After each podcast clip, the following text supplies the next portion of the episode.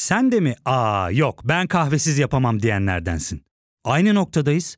İlk ve tek kahve üyelik uygulaması Frink'le tanış. Hem bütçeni koru hem de hiç bitmeyen kahvenin tadını çıkar. Yakınlarından terapinin onlara ne kadar iyi geldiğini dinlesen de kendin için bir şeylere başlamak zor geliyor olabilir. Ya da sevdiklerine yardım etmeye istekliyken kendi ihtiyaçlarını görebilmek. Hayvel, uzman psikologlarıyla kendi ihtiyaçlarını bulmanda sana destek olacak. Terapi yolculuğuna başlamak için detaylı bilgi bölümün açıklamalarında. Trendspor'dan herkese merhabalar. Geçtiğimiz hafta Cuma gecesi bir kayıt almıştık tam 8 gün önce ve o gece Cuma gecesi Sasha Boy'a gelen teklif gündeme düşmüştü.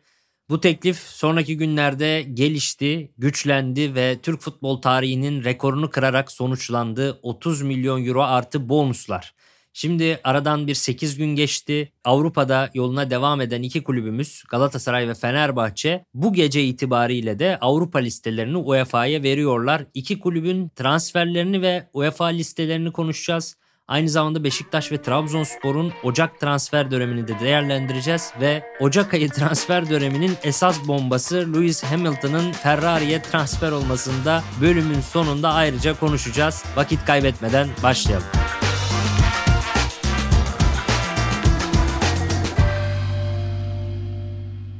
Şimdi dört büyük kulübümüzde bir gelenler gidenlere bir birlikte bir bakalım. Fenerbahçe biliyorsunuz transfere erken başlayan kulüp olmuştu. Bonucci'yi ve ardından Rene Kurunic'i hızlıca kadrolarına katmışlar ve ligde de geçtiğimiz haftalarda forma vermişlerdi. Üstüne Çağlar Söyüncü'yü de kadrosuna kattı Fenerbahçe. 3 önemli isim geldi Fenerbahçe'ye. Daha çok yerli oyuncular ağırlıklı olarak takımdan ayrılan isimler de oldu. Crespo son olarak La Liga'ya gitti. Lincoln'un gideceğine dair bu gece itibariyle yine haberler çıktı ama henüz belli değil. Samet Akaydın erken bir dönemde Panathinaikos'a gitmişti. Emre Mor Karagümrük'e gitti. Bartu Sivas Spor'a gitti ve Umut Nayır da Pendik'e gitti. Bu dört oyuncu da yerli olanların Samet, Emre Mor, Bartu ve Umut Nayır dördü de gittikleri takımlarda oynuyor. Özellikle Süper Lig'de olanların üçü de oynuyor. Samet de biraz daha rotasyon gibi. Dördünün de kiralık gitmesi önemli çünkü seneye 12 yabancı kuralı gelecek. Ve Fenerbahçe bunun bilinciyle bu oyuncularla vedalaşmadı. Seneye çünkü yedek kulübesinde iş yapabilirler diye düşünüyorum. Burada akıllıca hareket ettiğini düşünüyorum Fenerbahçe'nin. Gelecek hafta içerisinde de transfer dönemi devam edecek son haftası. Ama bugünden sonra yani bu saatten sonra hatta gelen bir oyuncu Fenerbahçe ve Galatasaray'ın Avrupa listelerine dahil edilemeyecek. Bu gece 0-2 itibariyle sondu. Yani yeni bir ismi Avrupa'da göremeyeceğiz. Ligde görebiliriz son bir haftada. Galatasaray'a bakalım. Galatasaray'da Sasha Boy Türk futbol tarihinin rekorunu kırdı dedik işte. 30 milyon euro artı bonuslarla 40 milyon euroya kadar uzanan rekor bir satış gerçekleşti. Üstüne bakan bu transferi de 5 milyon euro peşin 5 milyon euro civarında bir ücrette bonus olarak yine Real Betis'e gerçekleşti. Bu transfer yaşı hesaba kattığımızda bakan bunun ilk 11 oyuncusu olmamasını hesaba kattığımızda boydan bile daha başarılı bir satış gibi gözüküyor Galatasaray için. Angelinho zaten oynatılmıyordu. Onunla vedalaşıldı ve o da Roma'ya transfer yaptı. Ve unutulmuş bir isim Luyendama Galatasaray'dan ayrıldı. Zaten çok uzun zamandır oynamıyordu. Bir iki sene önce falan Antalya Spor'a kiralanmıştı. Orada da tutunamamıştı. Luyendama ile ilgili yeri gelmişken söyleyeyim 2-3 yıl önce bir tanıdığımdan ilginç bir duyum almıştım. Luyendama'nın aslında yaşının gösterilenden çok daha yüksek olduğunu söylemişti. 3 yıl önce o zaman oynuyordu. O zaman oynadığı için çok dikkat etmemiştim 3 yıl önce falan. Yani çok ciddiye alamamıştım. Fakat sonra Luyendama bir sakatlandı 2019'da o zaman sözde 26,5 yaşındaydı. Hiç 26,5 yaşında bir oyuncunun sakatlanması gibi olmadı Luyendama'nın sakatlanması ve bir türlü futbola dönemedi. Ve şu an itibariyle daha geçtiğimiz ay 30. yaş gününü kutlaması gereken Luyendama futbolu bıraktı. Daha 30 yaşına yeni girmiş bir oyuncu olarak futbolu bıraktı. Ama o ağır sakatlığından da gerçekten 26-27 yaşında oyuncular bu kadar geç ve bu kadar kötü dönmezdi. Yani Luyendama'nın dönüşü de böyle hiç 26-27'ye benzemiyordu. Zamanında o duyumu aldığım için şimdi aklıma geldi Luyendama'nın ismi geçince söyleyeyim dedim. Bu transferlerde de böyle yanılgılar olabiliyor. Tabii hani ispatlayamayacağım için bir şey söyleyemiyorum ama daha önce duymuştum. Bu konuda bir yorum ya da bir bilgi duymuştum diyeyim. Galatasaray'da gelenler Carlos Vinicius geldi. Bakan bu gider gitmez Fulham'ın yedek santrforu Brezilyalı 1.90'lık santrforu Carlos Vinicius hemen kiralandı. Bu bir fırsat transferi çünkü Fulham'da Jimenez'in arkasına daha böyle genç ve potansiyelli oyuncular koyma fikrindeydi. Carlos Vinicius da hiç fena bir oyuncu olmamasına rağmen biraz böyle dışarıda kalacak gibiydi ve Galatasaray onun parasını ödeyip Icardi'nin arkasına almış oldu. Yani biraz bakan budan iyi bir para kazanıp en az onun kadar iyi bir oyuncuyla da yerini doldurmuş oldu Galatasaray. Ama Sasha Boy'un yerinin Sergi Aurier ile doldurulması taraftarları çok fazla memnun etmedi. Çünkü Sergi Aurier kariyerinde düşüşte olan bir oyuncu oyuncu. Artık 31-32 yaşına geldi fil dişili sağ bek oyuncusu. Tabii geçmiş atletizminde de değil. Eskiden Paris Saint Germain'lerde oynayan bir oyuncuydu. Ama gençliğinde de biraz zor bir karakterdi. Daha önce işte canlı yayın açıp hocasına ve İbrahimovic'e söylediği sözler çok gündem olmuştu. Ama son yıllarında da başından geçen bazı talihsiz olayların ardından olgunlaştığı ve işte fil dişi milli takımına kaptan bile olduğu da malum. Son olarak Nottingham Forest'ta oynuyordu Sergio Aurier. Nasıl bir performans sergileyecek göreceğiz. Tabii ki Sasha Boy'dan sonra o görevi alması kolay değil. Tabii Angelinho ayrılınca bir kiralık oyuncu ayrılınca Galatasaray'ın kiralık gönderdiği Berkan Kutlu da geri geldi ve sol bek oynamaya başladı. Bir nevi Angelinho'nun yerini de Berkan Kutlu doldurmuş oldu. Bir de Okan Hoca son maçın ardından sol bekte zaten yerli düşünüyorduk dedi. Barış Alper ve Berkan Kutlu sol bek oldular gibi bir durum var Galatasaray'da. Hiç beklenmeyen yani iki ay önce söylense herkesin gülüp geçeceği bir durum gerçekleşmiş oldu. Yine bu gece itibariyle Fenerbahçe'de Lincoln gibi Galatasaray'da da Tete'nin Brezilya Ligi'ne Bahia'ya transferi ihtimali söz konusu. Henüz gerçekleşmiş bir şey yok ama iddialar Türkiye'nin en sağlam transfer muhabirlerinden geliyor. Her iki transferle ilgili. İki transferin de gerçekleşmesi mümkün gözüküyor. Şimdi bir de Beşiktaş'ta Trabzon tarafına bakalım. Çünkü onlar gerçekten ilginç hem Beşiktaş hem Trabzon çok kötü bir ilk devre geçirdiler ve devre arasında kadrolarını güçlendirmeleri bekleniyorken aksine zaten zayıf olan kadrolarını daha da zayıflattılar devre arasında. Sezonun ikinci yarısına da çok kötü başlamış olmalarına rağmen ve her hafta neredeyse kaybediyor olmalarına rağmen de hala 3. ve 4. sırayı paylaşıyorlar. Çünkü arkadan gelen onları zorlayabilecek Anadolu takımı da yok. Anadolu takımları da çok kötü durumda. Beşiktaş Jonas Svensson dışında henüz bir oyuncu transferi yapamadı. Svensson'un almış olmasına rağmen ayrılanlarda Bailey var. La Liga'ya gitti. Rozier ve Onana Lig 1'e gitti. Kerem Atakan Keskin de Sivas Spor'a gitti. Yani bir oyuncu gelirken 4 oyuncu ayrıldı Beşiktaş'tan. Trabzonspor'da durum daha vahim. Direkt ilk 11'den ayrılanlar var ve kimse gelmedi. Yani Beşiktaş'a en azından bir rotasyon Svensson geldi. Trabzonspor'a daha hiç kimse gelmedi. Gelmediği gibi ilk 11'den direkt 8 numarada oynayan Abdülkadir Ömür ve Bakasetas ikisi birden satıldı. Bakasetas'ın sözleşmesi bitiyordu ve devre arası 5 ay kala sözleşmesinin bitmesine 1 milyon euroya Panathinaikos'a gönderilmesi anlaşılır. Abdülkadir Ömür de ben durmak istemiyorum dedi. Böyle kaçarcasına takımdan ayrıldı ki aslında Trabzonspor'un ona ihtiyacı vardı. Abdülkadir Ömür sadece 3-4 sezon önce belki 5'tir tam hatırlayamıyorum. 22,5 milyon euro teklif gelmiş olmasına rağmen kendisine satılmamış bir oyuncu. Daha sonralarında dönemin başkanı tarafından yaptığım en önemli hatalardan biriydi diyor bu satışa izin vermemek. 22,5 milyon euroya zamanında satılmayan oyuncu 2,5 milyon euroya Hull City'ye satıldı. Acun Ilıcan'ın takımı. 2,5 milyon euro peşin. Eğer Hull City Premier Lig'e yükselirse de 2,5 milyon euro daha bonus kazanılacak. Ama Hull City'de belki playoff oynayabilir ama hiç kolay değil Championship'ten Premier Lig'e yükselmek. Fena takım değiller. Kalbur üstü bir takımlar ama bu 2,5 milyonun gerçekleşme ihtimali de %50'nin altında bence.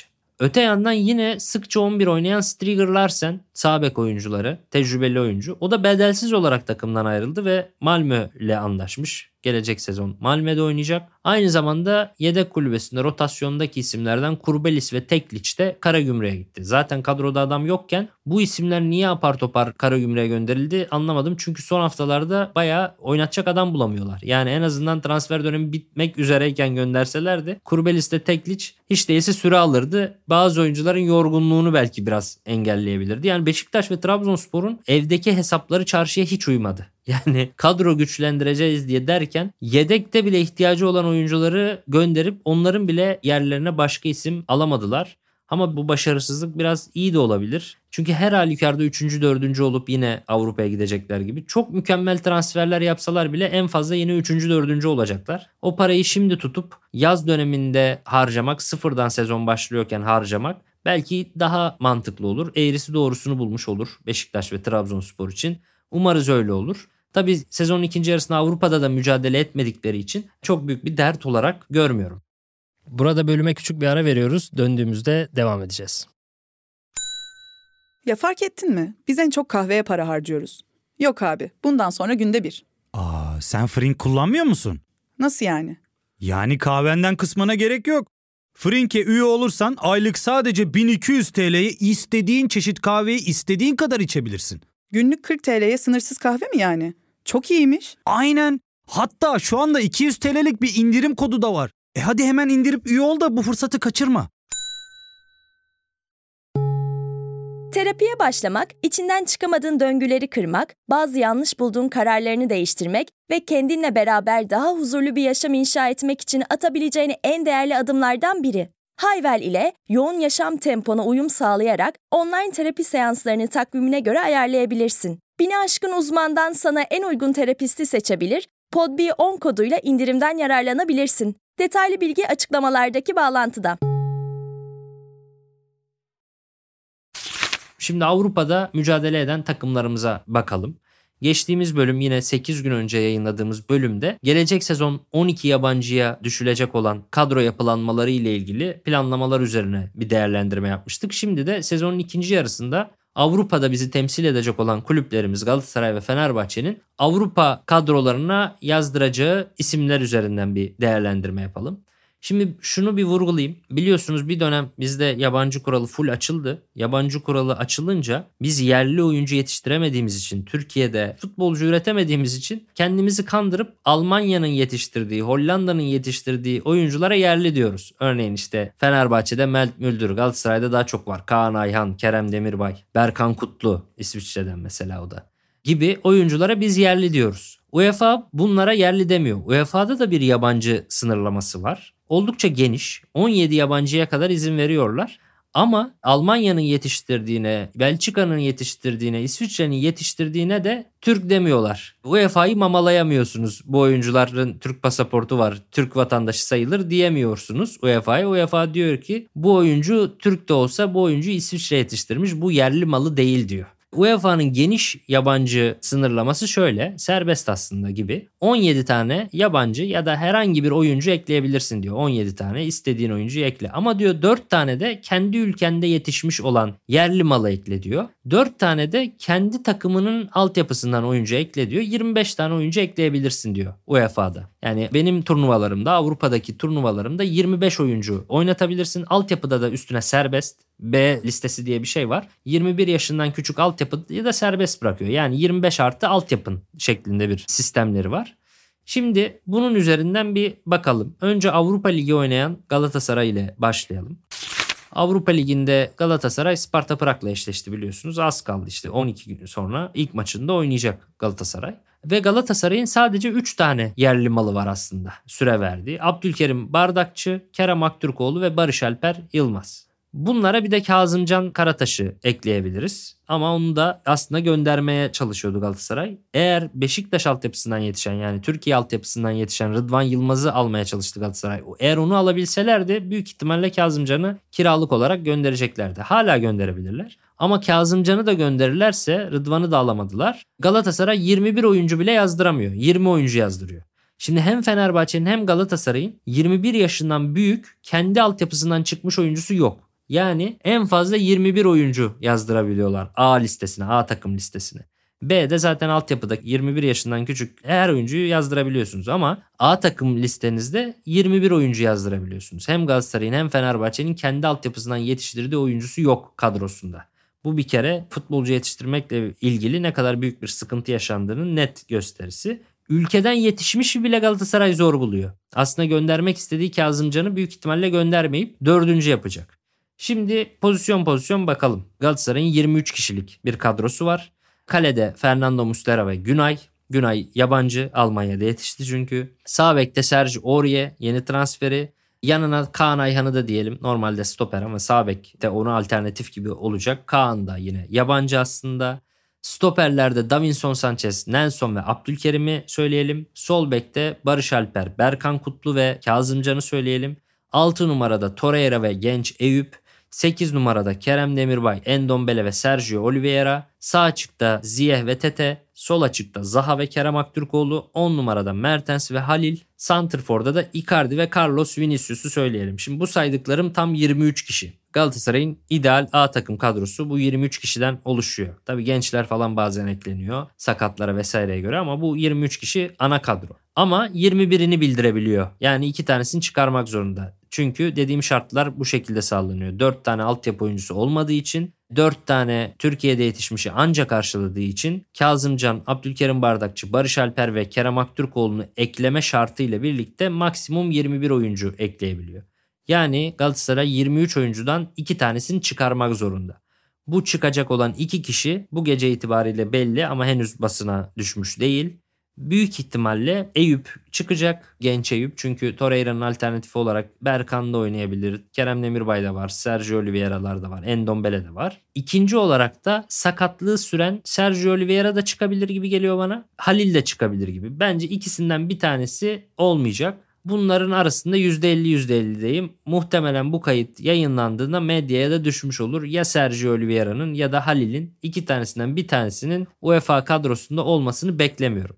Tabi UEFA 3 oyuncu değiştirmenize izin veriyor. 3 yeni oyuncu ekleyebiliyorsunuz. 3 tane çıkararak. Burada da Galatasaray işte Sasha Boy'u çıkarmış oldu. Oye'yi ekledi. Sergio Aurier'i yeni transferi. Angelinho'yu çıkarmış oldu. Berkan Kutlu'yu eklemiş oldu. Ve üçüncü olarak da Bakan Boy'u çıkarmış oldu. Ve Carlos Vinicius'u eklemiş oldu. Bundan sonra son bir haftada gelen transferler daha önce dediğim gibi Avrupa'da oynayamayacak. Kadro ile ilgili durum böyle. Tete tabi satılabilirse belki UEFA listesine yazılmaması hem Oliveira'yı hem Halil'i ekleyebilmeyi sağlar. O bir ihtimal. Tete de eğer satılacaksa son anda UEFA listesine yazılmamış olabilir diye düşünüyorum. Sergio ve Halil'in ikisinin birden yazılma ihtimali o şekilde var ama son dakikaya kadar kesinleşmemişti. O yüzden bir yorumda bulunamayacağım. Büyük ihtimalle kaydı dinlediğiniz dakikalarda netleşecek. Fenerbahçe'ye bakalım bir de.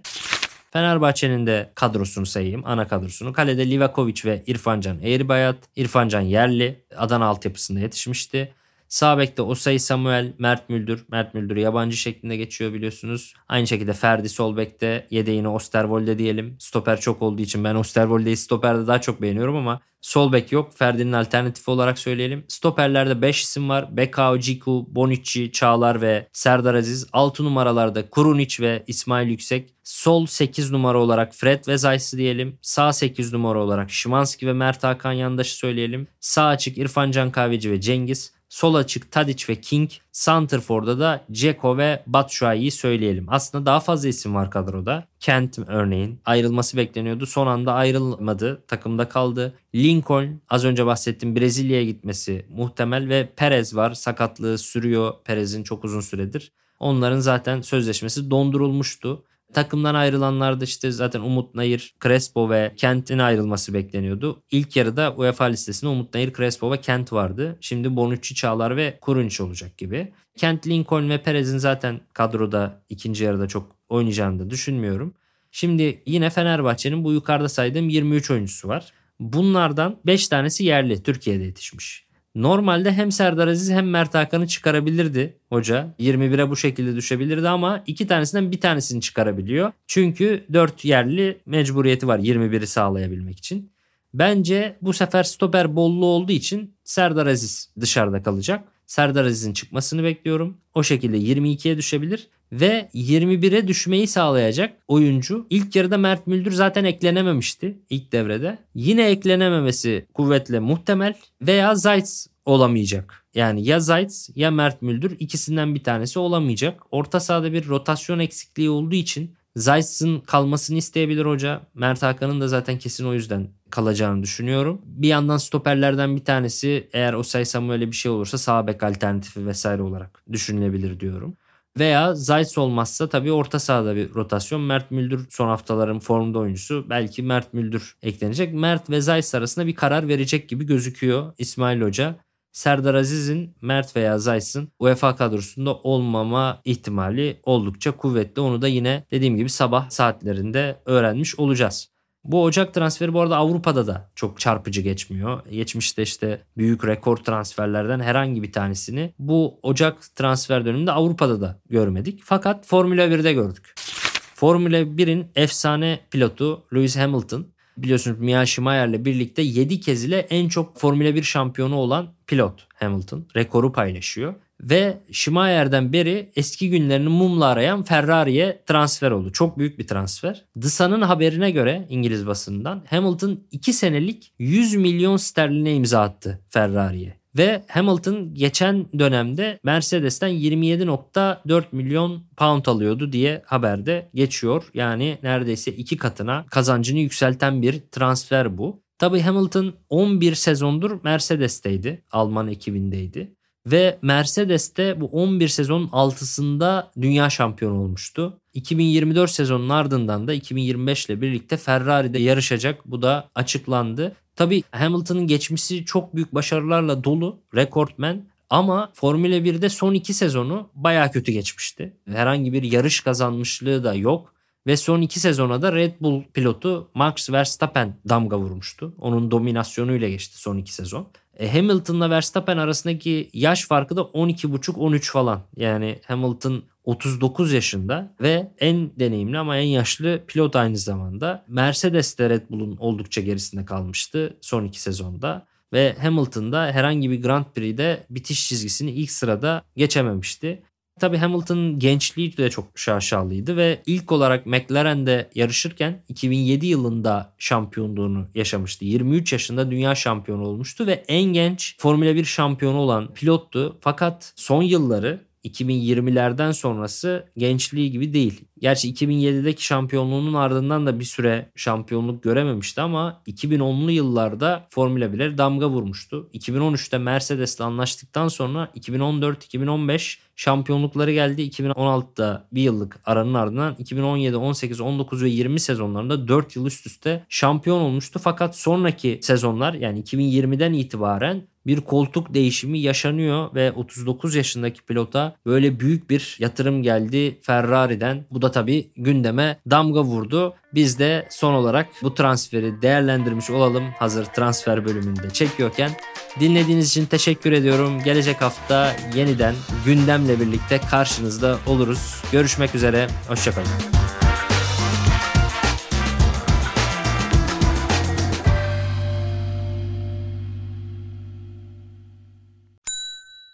İlk ve tek kahve üyelik uygulaması Frink, 46 ildeki 500'den fazla noktada seni bekliyor.